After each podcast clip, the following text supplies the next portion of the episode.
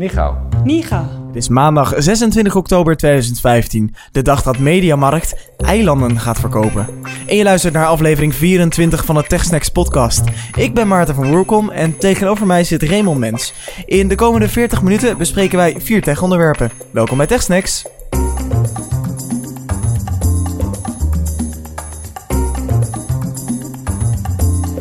Ja, Raymond, wij dachten laten we deze uitzending maar even met een koninklijk onthaal beginnen. Eh, want wie weet ben ik straks koning op mijn eigen eiland. Nou ja, dat wil zeggen, als ik op de website van de Mediamarkt kijk, eh, denk ik niet helemaal dat ik het financieel trek. Maar ehm, toch zou ik het niet verkeerd vinden om eh, de eigenaar te zijn van Saddleback Key in de Bahama's. Maar dat kost me 10.514.000 euro. Een beetje extreem voor een eh, eilandje waar je zo af en toe is en ook nog naartoe moet vliegen natuurlijk. Ja, maar oh, het, het, het heeft gewoon wel zeven parelwitte stranden, hè? Maar goed, als je dat nou niet kan betalen, dan verkoopt de Mediamarkt ook gewoon voor een slordige 51.000 euro een eilandje in Canada. Ben je vier bomen rijker op anderhalf hectare. Is ook leuk. Maar goed, genoeg over eilanden. Uh, laten we het over tech hebben. We hebben best wat uh, follow-up hè, deze week. Ja, we hadden vorige week hadden het natuurlijk over Facebook. En als er twee onderwerpen zijn die iedereen aanspreekt, dan is het al Facebook aan de ene kant en WhatsApp aan de andere kant. En ja, iedereen is wel zuinig op zijn iPhone-accu. En we hadden het vorige week al over dat de Facebook-app niet bepaald zuinig met de accu omging. Sterker nog, dat de Facebook-app de accu nogal leeg aan het slurpen was door allerlei trucjes op de achtergrond uh, uit te voeren. En een reactie van het Facebook kon natuurlijk niet uitblijven. En Facebook's iOS-chef Arie Grans heeft gereageerd op zijn eigen Facebookpagina, hoe toepasselijk. En hij zegt dat er een probleempje was met de app, waardoor na het kijken van een video de audiosessie niet afgesloten werd. En waardoor het leek alsof de audio op de achtergrond door bleef spelen. Ja, maar ik snap het wel, ik snap het wel, want ze hebben gewoon niet zoveel geld. dus dan is het ook lastig om dit soort dingen gewoon, voordat je je app live gooit. Ja, ik snap dat wel. Maar er is een update geweest, hè? Ja, er is een update geweest uh, afgelopen week al en het zou nu beter moeten zijn. De background audio is er helemaal uit, dus die bug die hebben ze gefixt. Of het dan wel een bug of geen bug is, daar durf ik nog wel over te twijfelen. Gefixt, gefixt. Ik was bezig met een test op mijn iPhone. Uh, uh, wil het niet dat ik vandaag opnieuw een iPhone heb gekregen bij de Apple Store, omdat er weer een defect was aan de vorige iPhone. ik weet niet wat ik ermee doe. Ik ga er normaal mee om, maar um, ik ben toe aan mijn derde iPhone 6. Omdat er problemen zijn met het scherm telkens, ja? Ja, ik heb een, een krakend scherm nu niet, thank god. Ik klop het uh, meteen even af. Ik heb een, een, een krakend scherm gehad tot twee keer toe. Um, hoe dat precies komt, weet ik niet. Hij maakt nu alleen gewoon veel herrie als ik een berichtje krijg. Maar ja, dat is wel redelijk normaal. Oh, nou, ik heb mijn batterijoverzicht op iOS er even bijgepakt. En Facebook uh, gebruikt nog 4% de afgelopen 7 dagen. Dus dat valt mee. De afgelopen 24 uur heeft Facebook maar 25 minuten op de achtergrond gedraaid. Dus die uren op de achtergrond, die zijn helemaal weg. Gefixt. Gaan we door naar het volgende wat er gefixt is. Advertorials. Ja, ik wil het onderwerp nu echt eens afsluiten, maar het blijft van maar achtervolgen. Vorige week had ik het verschil uitgelegd tussen een gesponsord artikel waarin de adverteerder geen invloed op de tekst heeft en een advertorial waarbij de adverteerder als het ware op de stoel van de redacteur gaat zitten. En ik verkondigde trots dat de website waar ik in het dagelijks leven voor werk, oneMoreThing.nl, nog nooit een advertorial heeft gepubliceerd dat we alleen aan gesponsorde artikelen doen. En een dag na het publiceren van de aflevering van de podcast waarin ik dat trots verkondigde, kwam de eerste advertorial ooit op OMT online. En daar waren we zelf ook niet al te blij mee, kan ik je vertellen. Want we hadden keurig met de adverteerder die de drie gesponsorde artikelen had gekocht, Vodafone afgesproken hoe het zat. Gesponsorde post. Wij schrijven de informatie op een leuke manier. Jullie plakken er je commerciële uiting boven en onder in tekstvorm. En klaar zijn we. Maar Vodafone wilde toch wel heel graag in het tweede artikel hebben een, een, verwijzing naar een rapport waaruit zou blijken dat het Vodafone-netwerk het beste 4G-netwerk van Nederland was. En toen zeiden wij: Oké, we hebben jullie wens gehoord, maar we vinden het niet passen binnen de context van het artikel, wat verder objectief is. En bovendien heb je een gesponsord artikel gekocht en geen advertorial. Dus technisch gezien kun je je helemaal niet bemoeien met de inhoud van het artikel. Maar goed, de wens om dat ene zinnetje dus in het artikel te hebben bleek wel erg groot. Dus hebben we samen besloten, nadat we overigens uitgebreid hebben uitgelegd waarom het volgens ons een bijzonder slecht idee was om het als advertorial te publiceren, toch samen besloten om er een advertorial van te maken, want dan kon dat één zinnetje er immers in, was blijkbaar heel belangrijk. En zo werd de eerste advertorial op oneMoreThing.nl ooit Een feit. Ja, dus ehm, helaas toch advertorials op One More Thing. Eh Raymond, bij deze is het je vergeven. Volgende keer iets eh, beter nadenken. Ik ga een shout-out doen. En een shout-out naar een trouwe luisteraar van ons. Die via via met ons in contact is gekomen. Eh, een hele leuke berichtje mochten wij ontvangen. En wel van Axel, Axel Bosters. Axel is een trouwe luisteraar van TechSnacks en heeft een verstandelijke beperking. Maar Axel die zet zijn ziel en zaligheid in om zijn leven en het leven van andere mensen met een beperking en in het specifiek eh, mensen met autisme makkelijker te maken door middel van eh, de digitale wereld.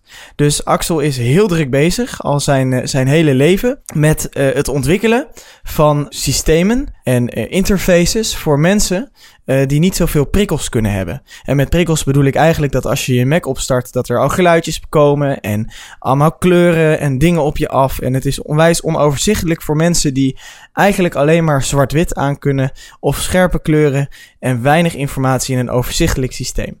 Nou, daar maakt Axel zich eh, heel erg sterk voor en ehm wat, wat ik wel gaaf vond om dit even aan te halen is omdat we natuurlijk eerder hebben gehad over e-health. En we eigenlijk alleen maar eh, projecten van buitenaf zien om eh, eh, mensen te helpen, het leven makkelijker te maken. Ehm, maar dat tegenwoordig de technologie dus zo toegankelijk wordt eh, dat je zelf daarmee aan de slag kan. En dus echt heel specifiek voor de eigen behoeften binnen een, een, een beperking. Om daar dingen voor te ontwikkelen en op die manier ook echt je leven makkelijker te maken en gaver te maken door middel van techniek. Ja, dit is een mooi voorbeeld van empowering people, zoals ze dat in managementtaal zouden zeggen. Helemaal zie je dat e-health oplossingen vaak van grote bedrijven komen, worden van bovenaf opgelegd. Maar dit is gewoon een jongen die kennis heeft van zijn eigen beperking en weet dat er ook anderen zijn met die beperking en zichzelf inzet en het leuk vindt om daar zelf oplossingen voor te maken. En anno 2015 kan dat dus gewoon. Axel, goed bezig. Keep up the good work. Hey eh, Maarten, het eerste onderwerp beginnen we even met een klein quizje. Zeggen de volgende namen je iets? PewDiePie, Smosh, Fun Toys Collector, Toby Turner en Ray William Johnson. Is het heel erg als me dit echt allemaal gewoon eh, totaal onbekend is? Nou, dit zijn dus de vijf populairste YouTubers van dit moment. PewDiePie is de populairste, die heeft 40 miljoen subscribers op zijn kanaal. PewDiePie? Wat is het? Pew- PewDiePie. PewDiePie. PewDiePie. Ah. En die klinkt ongeveer zo. Even een, een, een, een eh, intro op PewDiePie. I feel like I'm motherfucking stuck in this duck. It makes me wanna quack. Like, what the fuck is that? Oh, oh, you're gonna make a tower. Make a tower. Go left. Yes, that's right. That's right. That's not right! You call that right, Robin? No! Hello. My name is PewDiePie. Please don't kill me. Those hands out of the wall. Hello. Tickle each other. Wanneer, wa- wanneer haalt hij adem, die, eh, die vent? Wat doet hij überhaupt? Leg even uit wat hij hier nou aan het doen is. Hij was hier een game aan het spelen en hij leverde live commentaar bij het spelen van de game. Dus hij vertelde waar hij heen Oh. ging. Hij zat achter wat kippen aan en er werd wat geschoten. En eh, ja, dat is dus eh, de vlogs die hij onder andere maakt. Hij speelt games en hij vertelt persoonlijke verhalen. En daar heeft hij dus 40 miljoen abonnees op. En dan hebben we nog, om even op adem te komen, ook een fragmentje van de Fun Toys Collector. Hey guys, Disney Collector here, and today we're gonna open this beautiful deluxe gift set from Frozen Fever. This set is super cool. Comes with a singing Queen Elsa. She has on a beautiful dress. This is without a doubt a beautiful gift set. Nou, dat is een hele andere koek. Ik ben even helemaal zen, eh, sorry. Wat, eh, de, wat, wat doet ze? Dit is een dame uit Brazilië die een eh, nieuwe Disney cadeauset van Frozen uitpakt. Dat simpelweg met één hand filmt, terwijl ze met de andere hand het ding uitpakt. Vertelt wat er in de doos zit. En ook dat wordt miljoenen keren bekeken op YouTube. Daar verdient ze dus ook sloten met geld mee. Ja. Ehm, en al deze populaire YouTube-sterren die gaan centraal staan. Het gaat ergens heen. Het is niet zomaar een, eh, een vlacht. Eh, bij de nieuwe dienst YouTube Red. Niet te verwarren met RedTube. En eh, vraag maar aan je ouders als je luistert en je weet niet wat dit is, ehm, eh, wat dat voor een website is. Maar daar is het inderdaad volgens mij op het internet wel even over gegaan, want YouTube Red haalt hiermee wel een, ja, een makkelijker verwarring met een eh, wat controversiële website, eh, eh, zeg maar. Precies. Nou, YouTube Red lijkt verder geen sinds op RedTube. Het is namelijk de betaaldienst van YouTube. Voor een tientje per maand kijk je advertentievrij naar YouTube. Dus geen pre-rolls, mid-rolls, last rolls en advertenties meer in beeld. Luister je onbeperkt naar muziek via Google Play Music. Krijg je toegang tot exclusieve kanalen en series. Kun je video's offline opslaan en op de achtergrond verder kijken en luisteren als je de app in multitasking mode zet. En het is dus allemaal een aanvulling op het bestaande YouTube. Dus de exclusieve video's die, eh, die YouTube creators gaan maken. Die worden dus alleen zichtbaar voor YouTube Red abonnees. Maar de gratis content blijft gewoon bestaan. En wat wel bijzonder is aan die betaaldienst van YouTube. Is dat YouTube gaat proberen hè, om die homegrown sterren, zal ik maar zeggen. Dus de, de, de sterren die op YouTube zijn ontstaan. Een eigen serie te geven. Ja, maar gaat dat, en wat gaat dat betekenen voor de dienst YouTube? Want het, het mooie van YouTube is dat je er eigenlijk altijd alles op kon vinden. Hè? Qua eh, malle filmpjes, kattenfilmpjes, eh, muziekvideo's, eh, game previews. Als ik even de advocaat van de duivel speel. YouTube niet zichzelf in de vingers snijden door het aanbod te beperken op het vrije gedeelte. Nou, ze zeggen dus zelf dat het aanbod op het vrije gedeelte niet echt beperkt wordt, maar dat er dingen naast komen die exclusief zijn. Maar ik vraag me dus wel af, als PewDiePie heel druk is met zijn nieuwe serie, hoeveel gratis video's gaat hij dan nog publiceren? Ja, en worden de gratis video's niet een, een flauw aftreksel van de video's die eh, eh, voor de Red-abonnees gemaakt zijn? Ja, dat is inderdaad de vraag. Nou, enkele voorbeelden van series. Natuurlijk de populairste Scare PewDiePie, waarin PewDiePie vreselijke situaties uit zijn favoriete videogames gaat herleven. Dat wordt dus eh, behoorlijk eh, hectisch schillen, schreeuwen, schieten. Single by 30, een romantisch drama van de bekende YouTubers Wong Fu Productions en New Form Digital, waarin twee eh, schoolvrienden eh, een weddenschap maken waarin ze beloven dat ze op hun dertigste getrouwd zijn.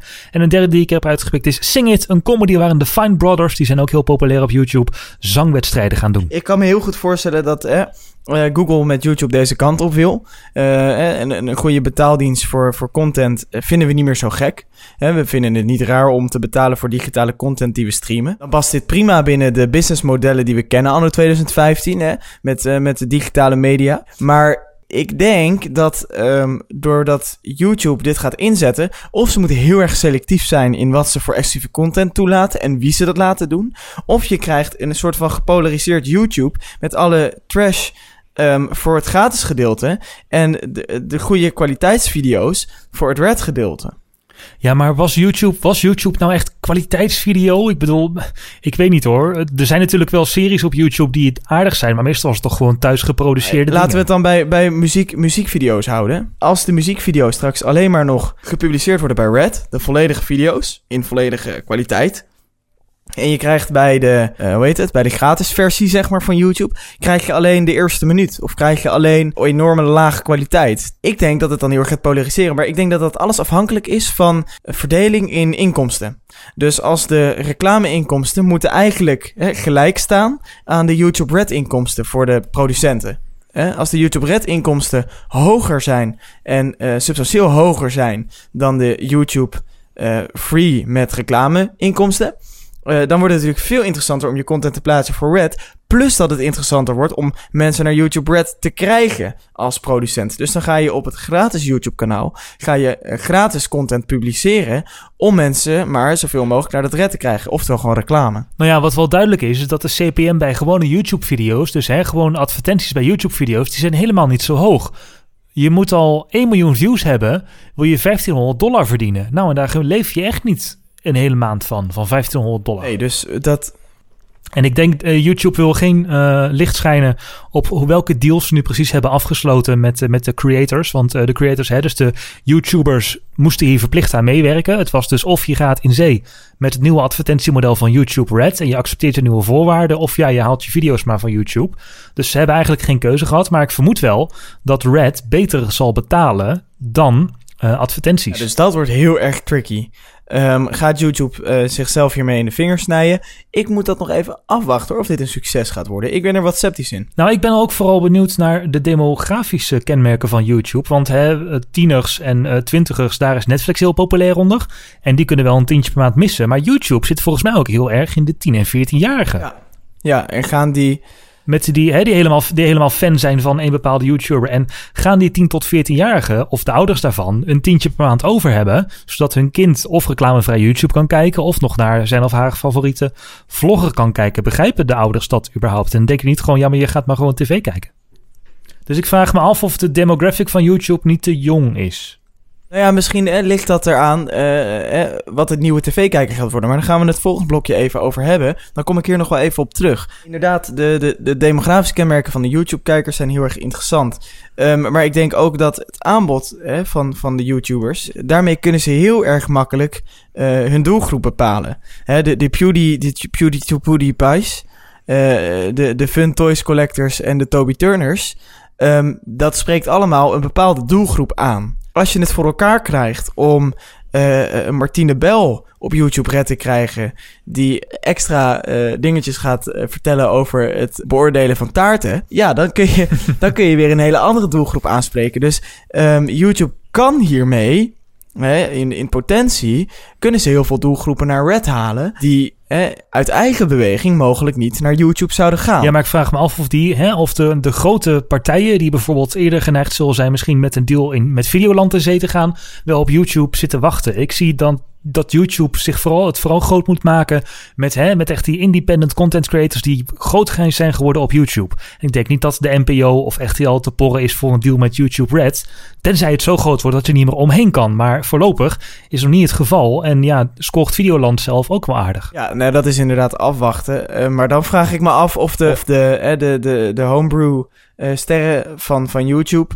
of die genoeg mensen kunnen aanspreken om ook echt 10 euro per maand voor te lappen. Nou, nu is het natuurlijk wel zo dat je voor die 10 euro per maand niet alleen YouTube krijgt, maar ook Google Play Music. Dus je krijgt ook onbeperkt muziek streamen voor een tientje per maand erbij. Dus dat zou op zich al wel een aantrekkelijke optie zijn. Als je dan ook nog gratis YouTube, of nee, YouTube zonder reclame erbij krijgt, dan is het tientje per maand misschien wel waard. Maar dan concurreert het veel meer met Spotify en Deezer en Apple Music dan alleen met uh, Netflix. Ja. Nou ja, goed, dus dat is uh, een, een bijzonder pakket aan services bij elkaar. En ik denk ook niet dat iedereen op alles zit te wachten.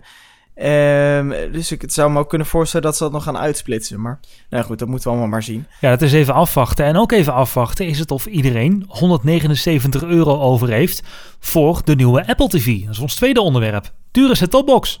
Ik moest even twee keer met mijn ogen knipperen, want ik had het niet verwacht.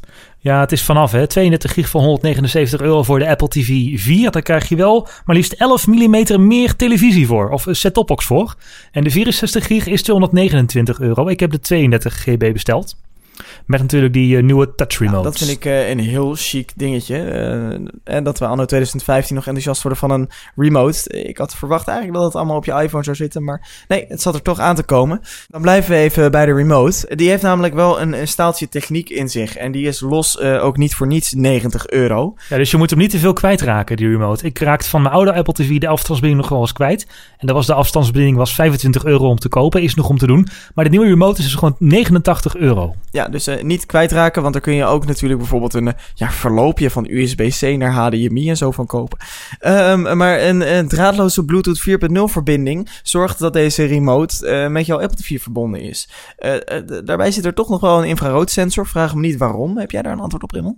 voor tv te bedienen. Als je nog een tv hebt met infrarood en je wilt het volume gewoon van je tv bedienen, dan heb je gewoon ja, infrarood nodig. Oh, dan is dat ook mogelijk. Dus ja. die infraroodsensor zit er voor je televisie. Ja. Uh, een versnellingsmeter en gyroscoop. Denk even aan het gamen.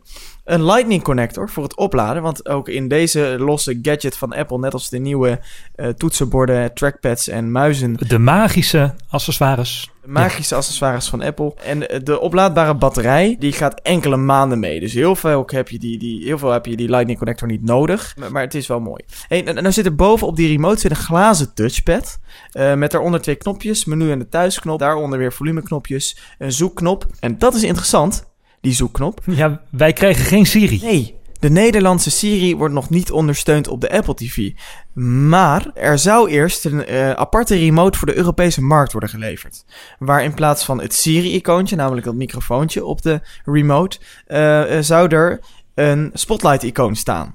Omdat als je nu dat Siri-icoontje indrukt, er Spotlight naar boven komt. Dat is dus niet gebeurd. Ja, dat, dat heeft dus de NOS en nu.nl hebben dat beweerd. Maar mijn bullshit-alarm ging daarbij al heel snel af. Want Apple gaat natuurlijk nooit voor de ene helft van de wereld een andere remote maken dan de andere helft van de wereld. Daar is Tim Cook veel te efficiënt voor in de toeleveranciersketen. Ja, dus hij krijgt eh, toch gewoon het Siri-knopje. En eh, dat Siri-knopje opent nu nog Spotlight. Maar dit betekent dus ook dat softwarematig het heel makkelijk is om de Nederlandse Siri te Precies, dus wij moeten voorlopig nog even doen met een zoekfunctie. En we kunnen Siri nog niet vragen. Want dat is een van de, van de hoofdfuncties naar leuke familiemovies met daarin Brad Pitt. Tenzij je het in het Engels doet, dan kan het wel. Ja, maar dan moet je je Apple TV ook in het Engels instellen. Ehm, even verder eh, de technische specificaties. Eh, aan de achterkant is er niet veel veranderd. Behalve dat er een USB-C-poort op zit voor de, zoals Apple het noemt, de service en ondersteuning. Eh, maar dat is gewoon voor het resetten van het apparaatje eh, aan de Mac. Ja, restore via iTunes. Ehm, je hebt een voeding, er zit, een, er zit dus wel een infrarood eh, ontvanger in de Apple TV. ja, dus de oude Apple Remote werkt er ook nog mee. Ehm, ja, verder is hij uitgerust met een A8-chip. 64-bit A8-chip. Eh, kennen we uit welke apparaat, Raymond? Uit de iPhone 6, de iPad Air 2 en de iPad Mini. Maar in de iPad Air zit dan nog een iets krachtigere grafische chip. Maar die heeft de Apple TV niet nodig, omdat die maar 1080p uit moet sturen. En dat is meteen ook een eh, bezwaarpuntje van eh, heel veel critici, dat hij geen 4K heeft. Ja, geen 4K. Ehm, zoals je al noemde trouwens, is het, boxje, het boxje is fysiek wat groter. Het heeft namelijk een hoogte van 35 mm, een breedte van 98 mm. Eh, de diepte is hetzelfde, want het is een blokje, dus ook 98. En een gewicht van 425 gram. Dus bijna een halve kilo aan Apple TV hou je in huis voor vanaf 179 euro. Ja, en dat grotere en hogere komt dus vooral door de A8-chip, want die heeft meer koeling nodig dan de vorige A5-chip. En Apple wilde er geen ventilatortje in doen, want dat gaat zo'n herrie maken bij je eh, tv. Want hoe wordt die gekoeld? Eh, met, een, eh, met een heatsink, dus dat is een staal, ijzeren, koud ding wat op de processor zit. En de hitte via de bovenkant van de Apple TV langzaam afvloeit. Ah, op die manier. En hoe dikker dat is, hoe meer warmte er zeg maar in kan stromen. En daardoor houdt de chip het hoofd koel. Ja, want het is wel een apparaat wat je koopt hè, op, eh, op de komende jaren. Hè, die oudere Apple TV is ook eh, de afgelopen jaren meegegaan. Hoe lang hebben we op deze moeten wachten? Ik weet niet uit mijn hoofd. Sinds maar- 2012 was hij niet vernieuwd in ieder geval. Dus we hebben er ongeveer meer dan drie jaar op moeten wachten. Ja, En hij is deze week dus eindelijk te bestellen. Eh, hoge verwachtingen. Siri dan niet. Wel een goed gevulde App Store waarschijnlijk. Er zijn al heel veel developer kits verstuurd. Dus ontwikkelaars hebben er al behoorlijk aan bij kunnen dragen. Natuurlijk komen alle gebruikelijke Apple apps, inclusief Apple Music. Podcasts komen er ook op. Dus je kunt TechSnacks ook op je Apple TV luisteren. Apple Music komt er natuurlijk op. En eh, er zijn ook al een heleboel nieuwe tv-kanalen aangekondigd. Maar ik denk dat eh, al die standaard tv-kanalen, zoals Red Bull TV en dat soort dingen, dat dat allemaal niet de hoofdmoot gaat worden. Maar dat apps en games echt super belangrijk gaan worden. ja bijvoorbeeld de YouTube-app. En dan grijp ik even terug op ons onderwerp van net. Ehm, want de YouTube-app, als die op je tv zit, eh, dan wordt het ineens veel toegankelijker voor ouders om daar een abonnementje voor af te sluiten. Want dat gebeurt nu ook met Netflix. Ik ken best veel mensen die voor hun kinderen een Netflix-abonnement hebben. Oké. Omdat er zoveel leuke kinderseries op staan. Alle Pokémon en eh, My Little Pony en weet ik het allemaal. Hè, dus eh, dan kan ik me ineens voorstellen, als dat namelijk gewoon geïntegreerd is in je televisie. En het is normaal dat je YouTube opent op je televisie. Dan wordt het ook meer, hè, die YouTube Red dienst, wordt dan ook meer een tv-kanaal. Ja, oké. En dan begrijpen ouders het ook, zeg maar. Dat het een tv-kanaal is waar je voor moet betalen. In plaats van een gek ding op je iPhone of... Ja, Ja, dan, dan is het in ieder geval toegankelijker dat als je kinderen tv willen kijken, dat ze niet achter de computer gaan zitten. ja. Ik, vraag, ik vraag me wel af. Hè, Apple zegt de toekomst van tv bestaat uit apps. Of apps zijn de toekomst van tv, zegt Apple. Maar wat voor apps moet je nou concreet op je Apple TV eh, zetten? We hebben op de website van Apple vinden we Airbnb. Ja, vind ik een heel leuk idee. Ik snap niet dat iedereen daar zo verbolgen over is. Want waarom moet je je vakantie boeken ehm, eh, achter eh, de tv? Nou ja, ik zat te denken, toen, als ik met mijn ouders en mijn zusje een vakantie ga boeken, ehm, dan zitten we met z'n allen gedrongen achter een laptopje. Of met z'n allen, eh, met allemaal met een iPhone of een iPad of iets anders op schoot. Om vervolgens naar elkaar linkjes te sturen in een familie-app. Kijk, dit is ook een leuk huisje. Ja, oké. Ik kan me heel goed voorstellen dat wij achter de tv zitten Ja. en een leuk vakantiehuisje gaan uitzoeken. Vind ik een heel legitiem idee. Net als dat ik mijn foto's op de tv laat zien aan mijn oma. Snap je? Zodat het op een mooi groot scherm is. Dat vind ik niet raar. Maar eh, ik denk dat de App Store het voornamelijk moet hebben ehm, van, van apps die dus eh, of zoals Airbnb eh, een doel hebben om voor meer mensen nuttig te zijn. Hè, dus dat er, die, die dus baat hebben bij een groot scherm. Of apps die eh, echt eh, voor entertainment zijn. Dus of video of games. Ja, oké, die echt entertainment content bevatten. Dus dat je via de app toegang hebt tot meer eh, entertainment content. Ja. En eh, games zijn al volop aangekondigd inderdaad. Eh, de maker van Crossy Roads heeft aangekondigd met een eigen game te komen. Maar ook Rayman komt naar de Apple TV. En nog heel veel meer games. Dus dat gaat helemaal goed komen. Zou Nintendo nou gewoon gaan ontwikkelen voor de Apple TV? Dat zou ik zo gaaf vinden. Nou, er is één ding wat mij wel stoort aan de Apple TV. Je kunt er een aantal Bluetooth remotes aan hangen, waaronder ook een, eh, een echte controller. Maar het zijn dus maximaal drie. Ja, dus met z'n vieren gamen wordt hem niet. Nee, dus dat, dat vind ik wel een gemiste kans van Apple. Volgens mij Ja. eh, het zal ongetwijfeld softwarematig of hardwarematig eh, nodig zijn geweest. Maar ik vond het op zich vreemd dat je aan een, een apparaat wat ook gemaakt is om te gamen, maar met drie controllers tegelijk kan gamen. Waar ik overigens nieuwsgierig naar ben, is of de Nederlandse kabelaars ook gaan komen met apps. En bijvoorbeeld KPN. Ja, en de NPO. Ja, en de NPO, maar bijvoorbeeld KPN met interactieve tv. Als ik nu wil wisselen naar interactieve tv, omdat bijvoorbeeld zondag met Lubach begint, en dat vind ik leuk om te kijken, dan moet ik van HDMI kabel of van HDMI poort wisselen. Ehm, dus dan moet ik van mijn Apple TV naar mijn interactieve tv ontvanger. Kan ik straks niet, net als HBO doet, op mijn Apple TV, daar wil ik trouwens ook de Apple TV-app van, kan ik dan op mijn Apple TV niet gewoon inloggen op mijn interactieve TV-account? Dat KPN zegt van, yo, het is goed. Dat is namelijk toch allemaal digitaal, gaat toch allemaal via ethernet, allemaal via internet. Allemaal stream, ja. Eh, dan kan ik dat toch ook gewoon vanuit mijn Apple TV. En dan wordt mijn Apple TV echt mijn smart TV. En dan hebben we eindelijk een smart TV die werkt. Want ik heb nu ook een smart TV, een Sony Bravia. Ja, het is om te huilen. Ja, ik, ik heb dan zelf nog een eh, TV die uit het pre-smart TV-tijdperk is. Dus heeft wel vier HD ingangen, maar geen enkele slimme functionaliteit ziet erop. En ik zie bij bijvoorbeeld heel veel Samsung-tv's dat ze ook wel gewoon eens crashen als je in Smart TV zit. Dat is heel bijzonder dat je tv crasht. Ja, nee ja, inderdaad. Of mijn tv moet om de tijd ineens een update.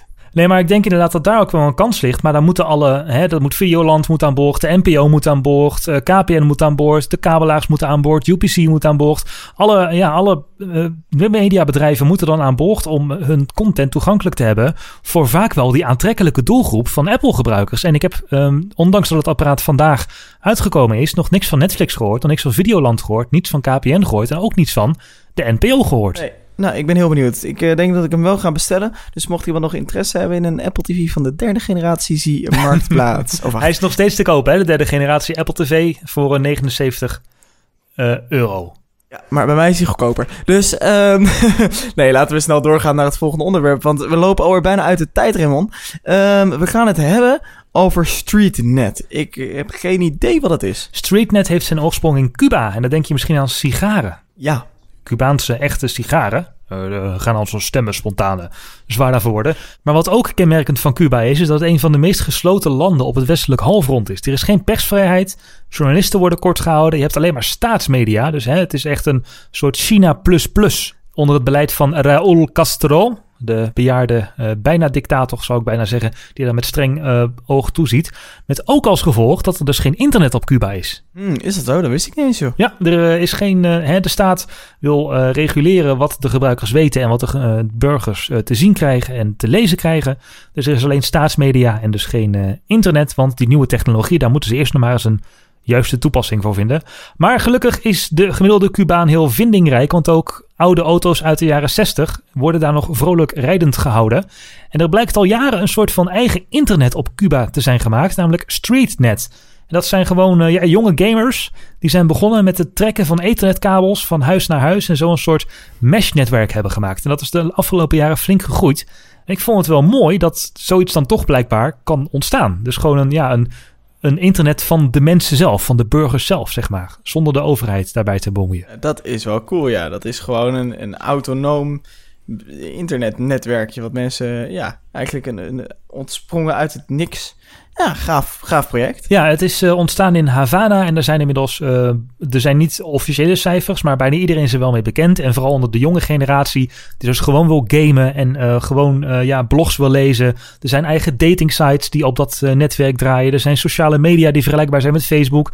Wikis en ook games kunnen er gespeeld worden. En nu gaat StreetNet langzaam maar zeker wireless. Dus je kunt een, een draadloze router opzetten die weer via point-to-point verbindt met een andere draadloze router. En zo maakt Cuba eigenlijk buiten de overheid om zijn eigen internet. Zijn er bloggers en zijn er ja, ook gewoon hele wikis en gezaghebbende websites daar. Maar geen connectie met het World Wide Web. Nee, de, hè, je blijft echt binnen het eigen netwerk. Dus je kunt alleen de blogs zien die ook op StreetNet zelf zitten. En je kunt niet naar YouTube of naar andere eh, blogdiensten. Dus je kunt geen eh, CNN of geen eh, ja, andere internationale nieuwsites lezen. Dus Netflix, Hulu, YouTube zit er allemaal niet in. Want daar is Nee. geen connectie met de buitenwereld. Hè, Cuba is een eiland. Dus ja, bij het water eh, houdt het op. Ja, dat wordt eh, investeren in watervaste UTP-kabels. Nou, er ligt een hele dikke eh, glasvezelkabel van de VS naar Cuba, maar die wordt momenteel eigenlijk amper gebruikt. Alleen voor wat wifi voor toeristen die dan voor een paar euro eh, ongecensureerd internet kunnen gebruiken. Maar dat kunnen de burgers helemaal niet betalen. Wie weet, nu ehm, hè, de nieuwe, eh, ja, het nieuwe handelsklimaat tussen de VS en eh, Cuba eh, ontstaat. Misschien dat ze binnenkort dan toch hun eigen streetnet kunnen gaan aansluiten op het World Wide Web. Ja, ehm, dat wordt voorlopig dus alleen voor toeristen gebruikt, maar er is hoop. Maar goed, ook de gemiddelde Cubaan wil niet zonder House of Cards en wil niet zonder eh, zijn favoriete HBO-series. Dus er is ook een soort van eh, interessante grijze variant op Netflix ontstaan. En die heet El Paquete Semanal. El paquete semanal. Ja, En dat staat voor The Weekly Package. En het is dus een harddisk van een terabyte die je kunt bestellen voor 2 dollar. Of ja, twee, gelijkstaand aan 2 dollar per week. Dan heb je een terabyte elke week ververst aan films, series, documentaires in HD, Android-apps, muziek, screenshots van artikelen uit westerse media. Eh, die worden elke dag braaf gemaakt. En ook de RSS-feeds van media worden gedownload. En dus eh, ja, eigenlijk over het hele Cubaanse verspreid via USB-sticks en een harde schijf van 1 terabyte. En dat is eh, het wekelijkse pakketje. En het is best interessant ook om te zien hoe ook de Cubanen daar weer vindingrijk zijn. Want er is een heel netwerk ontstaan van mannetjes die verantwoordelijk zijn voor één sectie. Dus er is een mannetje op Cuba. Die is verantwoordelijk om elke dag de website van de New York Times te screenshotten en de RSS-feed op te slaan. En eh, ja, zo ontstaat een hele collectie eigenlijk aan eh, illegaal materiaal wat op harde schijven wordt verspreid. cool. Nou ja, nou ja, wat cool. Nou ja, het is, het is heel vindingrijk voor mensen die zijn afgesloten. En ik denk dat het ook wel wat zegt over hoe essentieel internet is eh, anno 2015. Ja, er is een enorme coördinatie zit eraan. Er is een hele chain van mensen. Er zijn dus mannetjes die die USB-sticks ophalen en weer naar, eh, naar een centraal verzamelaar brengen. En die centraal verzamelaar brengt het weer naar een andere verzamelaar. En eigenlijk zie je dat de telecomshops en de reparatiebedrijven en de videotheken die dingen als soort van onder de toonbank verkopen. Dus je kunt naar de telecomshop met je harde schijf en daar wordt dan eh, eens per week op maandag worden dan de series die een vrijdag op het internet zijn gezet of op de Pirate Base sites zijn verschenen, worden daar dan vrolijk eh, opgezet. Eh, Vox heeft er een documentaire over gemaakt. Eh, we zullen de link naar de documentaire, dus 10 minuutjes in de show zetten. is heel interessant om te zien hoe die matjes daar te werk gaan en hoe er volop data wordt gekopieerd. En er is één soort van ja, autoriteit die alles waar alle mannetjes het materiaal inleveren. Dat is Danny Paquette. Dat is het opperhoofd van de pakkettendienst, zeg maar. En eh, die is dus als de soort van de spin in het web. Die heeft connecties met mannetjes in de VS. Die je USB-sticks met de rips van eh, Netflix opsturen. En eh, hij maakt, het, maakt er één harde schijf van. Die mogen dealers kopiëren. En dealers kopiëren het weer aan subdealers in de wijken. En ja, zo is dat een heel, een heel netwerkje. En ik vind het dan toch fascinerend hoe het internet en de series van HBO en Netflix dan wel illegaal gaan waar ze eigenlijk niet gaan kunnen, namelijk gewoon naar het eiland Cuba. En die Danny Paquette, dat is dan hè, de spin in het web. Ja, je gaat je dan wel afvragen, wat is dat dan voor figuur? Hè? Die, dat grote meesterbrein achter dat enorme distributienetwerk. Nou, de journalist van Vox die de documentaire over StraightNet maakte, die zocht Danny Paquette op. Danny was with a client, so I waited for an hour in his impromptu lobby. I didn't know what to expect Danny Paquete to be like. I figured he was some kind of shady character, like anyone you would find behind some giant illegal enterprise, but I definitely didn't expect this. He's a 26 year old who was wearing board shorts and no shirt when I arrived. He looked a lot more like a lazy college sophomore than a kingpin of a national black market of pirated media. Danny dus gewoon een 26-jarige vindingrijke jongen die eh, met zijn Windows computer allerlei series ook opneemt via zijn eigen satelliet en dat verspreidt. StreetNet, het internet van Cuba. Ik vond het zo'n fascinerend verhaal. Denk, moeten we het echt even over hebben. Hartstikke leuk. Zo eh, leer je nog eens wat eh, in de TechSnacks podcast. Eh TechSnacks podcast is overigens vier onderwerpen in 40 minuten. En dat betekent dat we een beetje haast moeten maken, want we lopen alweer bijna uit de tijd. We gaan het hebben over Tesla. Heb jij gehoord wat Tesla heeft gedaan? Nou, ze hadden wilde plannen, hoorde ik. Nou, wilde plannen hebben ze ook uitgevoerd. Tesla heeft over the air een autopilot functie naar de auto's gebracht. Vanaf heden, ook in Nederland, kan de Tesla eh, de auto besturen, van baan wisselen, de auto parkeren en op die manier eigenlijk het hele rijden overnemen. Wauw. Dat, dus Tesla is eigenlijk wel de eerste die... Hè, we hebben het al vaak over de zelfrijdende auto's gehad. Inclusief de plannen van Google met de schattige autootjes en Apple's plannen. Maar Tesla doet het dus gewoon al even in de praktijk. Tesla die pleurt even een, een, updateje eruit en eh, over die air wordt je auto ineens eh, zelfstandig. Eh, alle techniek zat er al in, eh, maar er zitten nu eh, wel een aantal kanttekeningen en maren aan. Want, dames en heren, Oh. altijd de handjes aan het stuur. Ja, oké. Het lijkt me niet dat je van de een op de andere dag ineens als bestuurder ook eh, comfortabel bent met het halen van je handen van het stuur. Nee, uit jezelf, je ziet iedereen die al in zo'n Tesla heeft mogen rijden ehm, met, met die update, zie je heel grappig natuurlijk met zijn handen wapperen. Ja, dat is natuurlijk wel de magie eh, die, die, die zoiets, zo'n autopilot functie meebrengt, namelijk het niet meer besturen van die auto. Het is ook heel eng. Ehm, wat je ook zag in de verschillende demo's die ik heb eh, bekeken op internet, is dat mensen dus reflexen alsnog toepassen terwijl die auto rijdt. Ik ken het van mezelf wel en mensen die, die zelf ook autorijden dat ook wel herkennen. Dat als je naast iemand zit voorin die net wat later remt als hij afrijdt op een auto dan dat jij dat zou doen. ehm, eh, dan zit je al eh, met je rechtervoet mee te remmen in het niks. Tenminste, ik betrap mij daar zelf nog wel eens op. Tesla zegt uitdrukkelijk overigens dat dit eh, gemaakt is voor de snelweg. Eh, built for highways. Eh, er zit aan eh, 360 graden om die auto. Hebben ze in een straal van 4,8 meter hebben ze radar eh, eh, techniek. ehm, eh, of beelden. eh, waarmee ze dus eigenlijk de weg afscannen. En die auto anticipeert op zowel de wegmarkeringen als de andere weggebruikers. En bij wegmarkeringen heb ik dan alleen over de beleiding. En niet over de eh, verkeersborden en over de stoplichten. Ja, oké. Hij weet dat hij binnen de lijnen moet blijven, hij weet maar. dat hij binnen, en dat heb je natuurlijk tegenwoordig ook al in de, in de Volkswagen eh, zitten, lane assist. En volgens mij doet Volvo het ook. De technologie voor het herkennen van verkeersborden en stoplichten zit er al in, maar die wordt nog niet gebruikt. Eh, Want het is echt nog voor de highways, het is nog in een testfase. Eh, Tesla die gooit het naar iedereen toe, zegt probeer het alsjeblieft. Eh, maar we gaan nog verbeteren.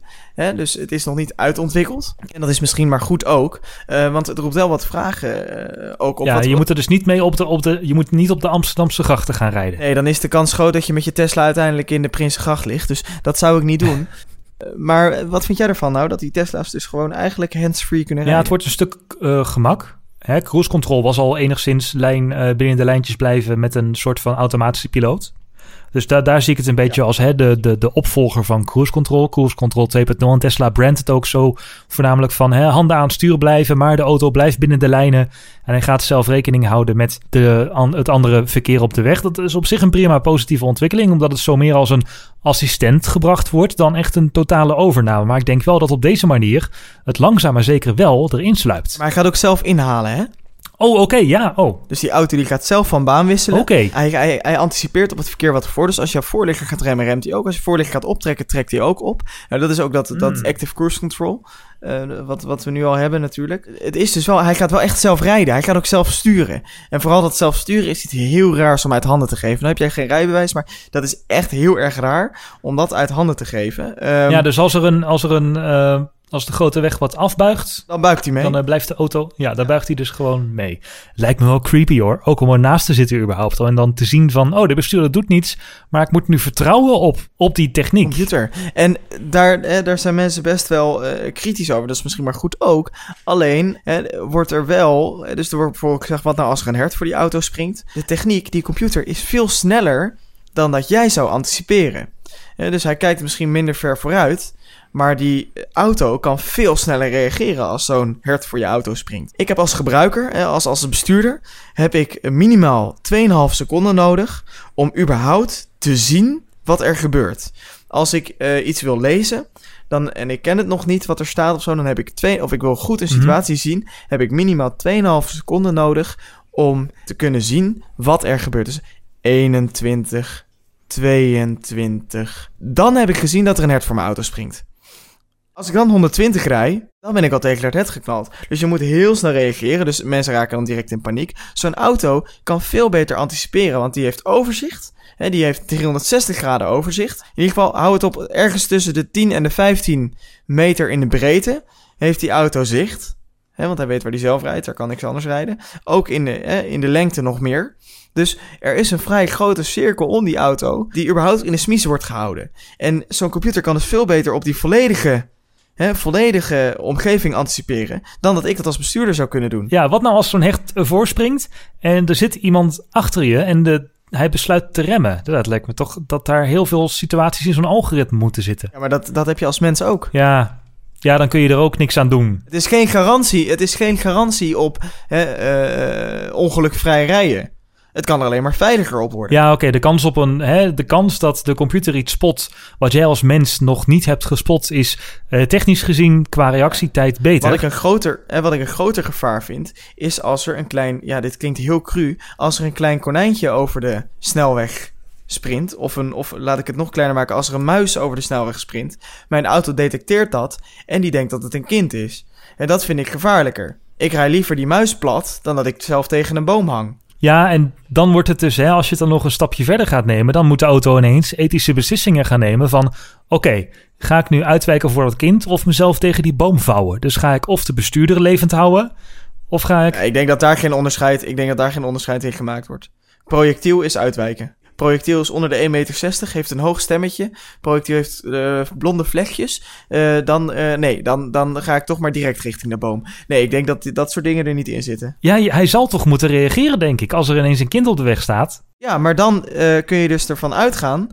Zo'n auto is altijd veiliger om mee te crashen dan dat die auto over dat kind heen rijdt. Snap je wat ik bedoel? Want in een auto zitten airbags, in een auto zit een, zit een, een uh, heel groot frame om op te vangen. Je kan beter met, eh, als je die risico's, eh, misschien zeg ik dit te hard hoor, en als, je, als je luistert en je zegt, uh, Maarten, daar, daar vlieg je uit de bocht, um, dit klopt niet, laat het dan even weten. Maar volgens mij kun je altijd beter met een auto tegen een boom rijden dan dat je het kind overrijdt. Maar je hebt als bestuurder daar dus zelf geen invloed meer op. Nee, maar je moet als mens, als ik, als ik een kind voor me zie, of als ik überhaupt een mens voor me zie, dan wijk ik uit in mijn auto. Ja, ik vraag, ik vraag me dus af of die auto ik ga zelf... Niet, ik ga niet als ik... die auto, als er zeg Nee, maar, maar- geen keuze is of persoon A dood of persoon B dood, zeg maar. Maar Raymond, die, die, die tijd heb je als mens ook niet. Je rijdt, je rijdt eh, de 50, 60, er springt ineens iemand voor je auto, je geeft een ruk aan dat stuur. Dat doe je uit reflex. Dat zit er heel diep Ja, ik, in. weet, ik ben zelf geen bestuurder, dus ik kan dat niet inschatten. Maar ja, Je wijkt altijd uit. Als er iets, als er iets voor jouw auto springt. Want wat ik, eh, ik had het al over die 2,5 seconden. Dat duurt al te lang om te beoordelen. Je rijdt te snel. Als er iets kort voor je auto springt, dan ga je remmen en uitwijken. Of alleen remmen. Maar dan zie ik de claims al tegemoet van de Amerikanen die zeggen... ja, maar als ik zelf achter het stuur had gezeten, had ik gewoon doorgereden en was ik niet uitgeweken. En ja, dat kun je niet bewijzen. Ik denk dat het er in ieder geval veiliger op gaat worden. Maar dat eh, nu dit nog zo eh, in de kinderschoenen staat. En nu er maar een klein select aantal auto's zijn die hiermee rijden. Dat je er heel voorzichtig mee moet zijn. En daarmee wil ik het onderwerp afsluiten. Oeh, zelfrijdende auto's, ingewikkelde materie. Je zal maar degene zijn die het algoritme moet schrijven. Ja, dan heb je een hele tough job. We hadden ook weer een hele tof job, maar onze tof job van 40 minuten zit erop. Bedankt voor het luisteren naar de Tech Snacks podcast. Ehm, we willen graag bedanken, en ik heb hem al even genoemd in het, in het midden van deze podcast. Ik ben van de advertorials vandaag. Ehm, Marijn Kortstra, No Dots uit Eindhoven, webhosting, webdesign. Eh, check die website www.nodots.nl. Ik zeg het nog een keer, www.nodots.nl. Wij bedanken je ontzettend voor eh, de bandbreedte en onze nieuwe website die eraan zit te komen. Eh, je kunt TechSnacks namelijk vinden op www.techsnacks.nl. En dan kun je reactie achterlaten, techsnacks.nl slash submit. Of mailen naar reactie.techsnacks.nl. Je kan ook ons liken op Facebook eh, via facebook.com slash. Volgen op Twitter, we zijn echt overal. Twitter.com slash. Eh, en we zijn zelfs in iTunes, daar kun je je abonneren.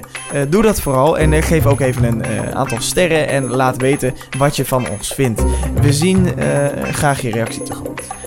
Voor nu, tot volgende week. Tot volgende week.